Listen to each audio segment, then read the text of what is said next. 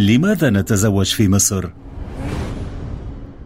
في عام 2017 تراجع عدد الزيجات في مصر نحو 3% نظرا إلى ارتفاع تكاليف الزواج وهي ترتفع منذ بداية التسعينيات وفي الوقت نفسه تتزايد نسب الطلاق التي وصلت حاليا إلى 13% بمرور الوقت يدرك المصريون أن هناك مشكلة فيحاول وجهاء المجتمع مد يد العون تخرج المبادرات من هنا وهناك على مستوى الدولة مثل مبادرة السيسي الأخيرة بوابة الخير أو على مستوى أصغر في القرى والأقاليم مثل مبادرات تيسير الزواج أو حملات الشباب الوسطي الطيب على ال social media مثل مبادرة تزوجني بلا مهر.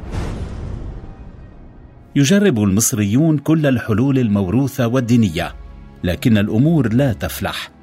ما زالت المحاكم تمتلئ بقضايا لا حصر لها، وتمتلئ البيوت بحوادث عنف أسري، وتشتعل الترندات بين كل لحظة وأخرى حول المشكلات الأزلية الآيمة والشقة والتكاليف وفي الخلفية تبقى مشكلات التحرش انظر اولا في مصر تحديدا من يسأل نفسه لماذا يتزوج ويجيب بصدق لن يخرج عن إجابتين. تعرف الأولى حين تعرف أن مصر من بين أكثر الدول زيارة للمواقع الإباحية والثاني هو أنك كبرت ولازم تتجوز كما أخبرك أهلك وغالبا ما يكون السببان معا. دعنا نتفق اولا على أنك لا تضع في بالك مسؤولية بناء أسرة أو ربما لا تفهم حجمها لأنه كونك شخصا عاقلا لن تتزوج إذا كان دخلك أقل من 35 ألف جنيه حاليا أي ما يعادل 1800 دولار. هذا إذا أردت أنت وأسرتك المحتملة أن تعيشا حياة آدمية وما دون ذلك لا يستحق المحاولة فعلا. لا شيء في الأفق ينبئ بأن الزواج خطوة صحيحة. ارتفاع حالات الطلاق إلى 13% وتوقعات باستمرار الارتفاع بسبب المستوى التعليمي الثاني والأربعين على العالم. وفي مجال الصحة تحتل مصر المرتبة الثمانية عشرة من بين الدول العشرين الأسوأ أداءً. لو سلمنا بأن الزواج هو كل الغايات والأهداف دعنا نتخيل مسارين يذهبان بنا إلى هناك. الأول وهو المرسوم مسبقا وجربت أن تسير فيه واكتشفت أن لا يناسبك. الآن عليك الانتقال إلى المسار الثاني لكن عليك أن تدفع كلفته اولا. كلفته ليست مادية مثل المسار الأول. كلفته هي أن تخرج من تلك الدائرة التي رسمت لك مسبقا وأن تتحمل النبذ والرفض ومشاعر الإحساس بالذنب. بل ربما المطاردة خاصة إذا كنت فتاة. لكنك في النهاية ستتجاوز فكل الذين فعلوها تجاوزوا. تحرر من أسيريك. بحكم ثقافتنا أنت مجبور على طاعة والديك. ومن ناحية أخرى أنت ضمن ممتلكاتهم بالإضافة إلى أن احتياجات العائلة مقدمة على احتياجات الفرد. خروجك من هناك لا يكون سهلا ستمنع إما بسبب حبهم لك أو بسبب مرضهم أو لأسباب دينية مثل صلة الرحم. وعليك أن تتجاوز هذا. هذه هي الضريبة الأولى التي يجب أن تدفعها. عليك أن تتجاوز مشاعر الإحساس بالذنب وربما سيكون عليك حتى تجاوز اعتداءاتهم عليك. لو اعتدوا عليك أن تدرك أن دورهم انتهى وأنهم أدوا ما عليهم. ثم عليك أن تواجه مشاعر الخوف التي غرست في داخلك منذ الصغر مثل فكرة الحلال والحرام. عليك أن تعيد التوازن إلى تلك المنطقة أن تعترف باحتياجاتك كإنسان وأن تدرك أن تحقيقها ليس عملا سيئا بل هو جيد حتى من منطق حب نفسك. من يحدثون عن فكرة الحلال والحرام هم مهووسون بالجنس ويناقضون أنفسهم دوما ومن يناقض نفسه لا يستحق أن تلتفت إليه.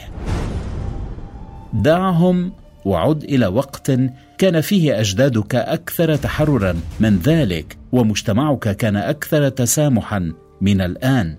إلى وقت لم يكن شيوخ السلفية قد ظهروا بكثرة في المجتمع مثل ما هم حاليا. وإلى وقت لم تظهر فيه أخلاقيات الفلاح والبواب المتدين أو اختلاط ثقافة الريف بالمدينة قبل موجات الهجرة إلى الخليج. وعليك أن تدرك أن هؤلاء هم ألد أعدائك. اختفي عنهم فربما تصبح قويا يوما وتواجههم بصديقتك بينما تصعدان إلى الشقة.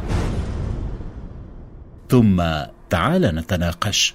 في عام 2009 طالبت المذيعة والفنانة إيناس الدغيدي بتقنين بيوت تجارة الجنس فقامت الدنيا ولم تقعد وحتى الآن يستشهد الجميع بالتصريح المثير للجدل بصرف النظر عن أنها كانت مقننة في مصر حتى عام 1949 وكانت عاملات الجنس يتابعن بشكل دوري وكانت هناك رقابة.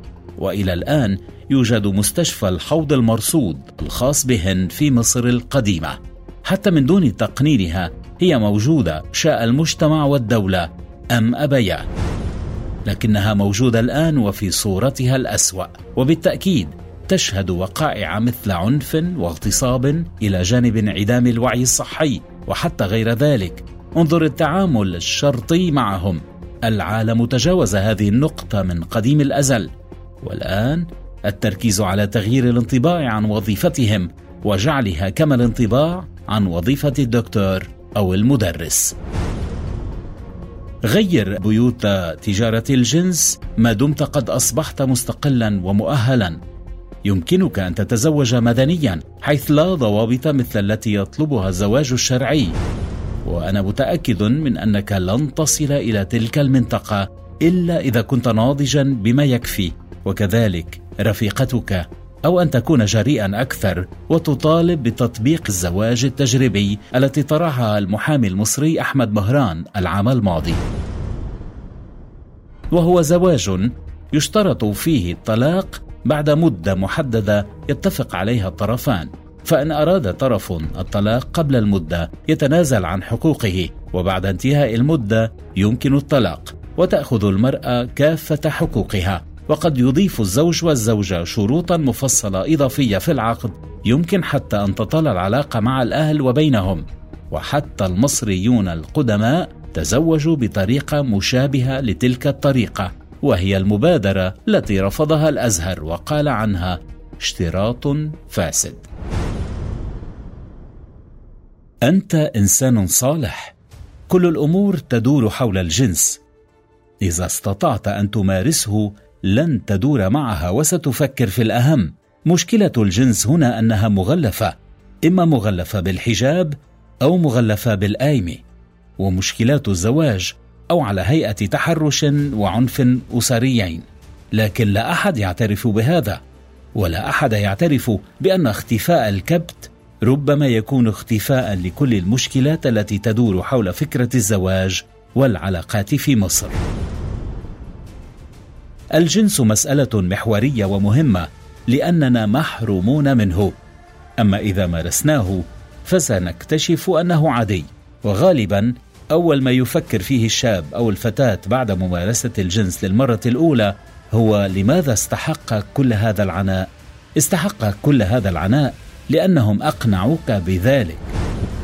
وإلا كيف يسيطرون عليك؟ منظومة الزواج بشكلها الحالي مصممة للسيطرة على المجتمع بمساعدة رجال الدين وحالات الطلاق الكثيرة تهديد لتلك الأسرة التي يهتمون بها أكثر منك.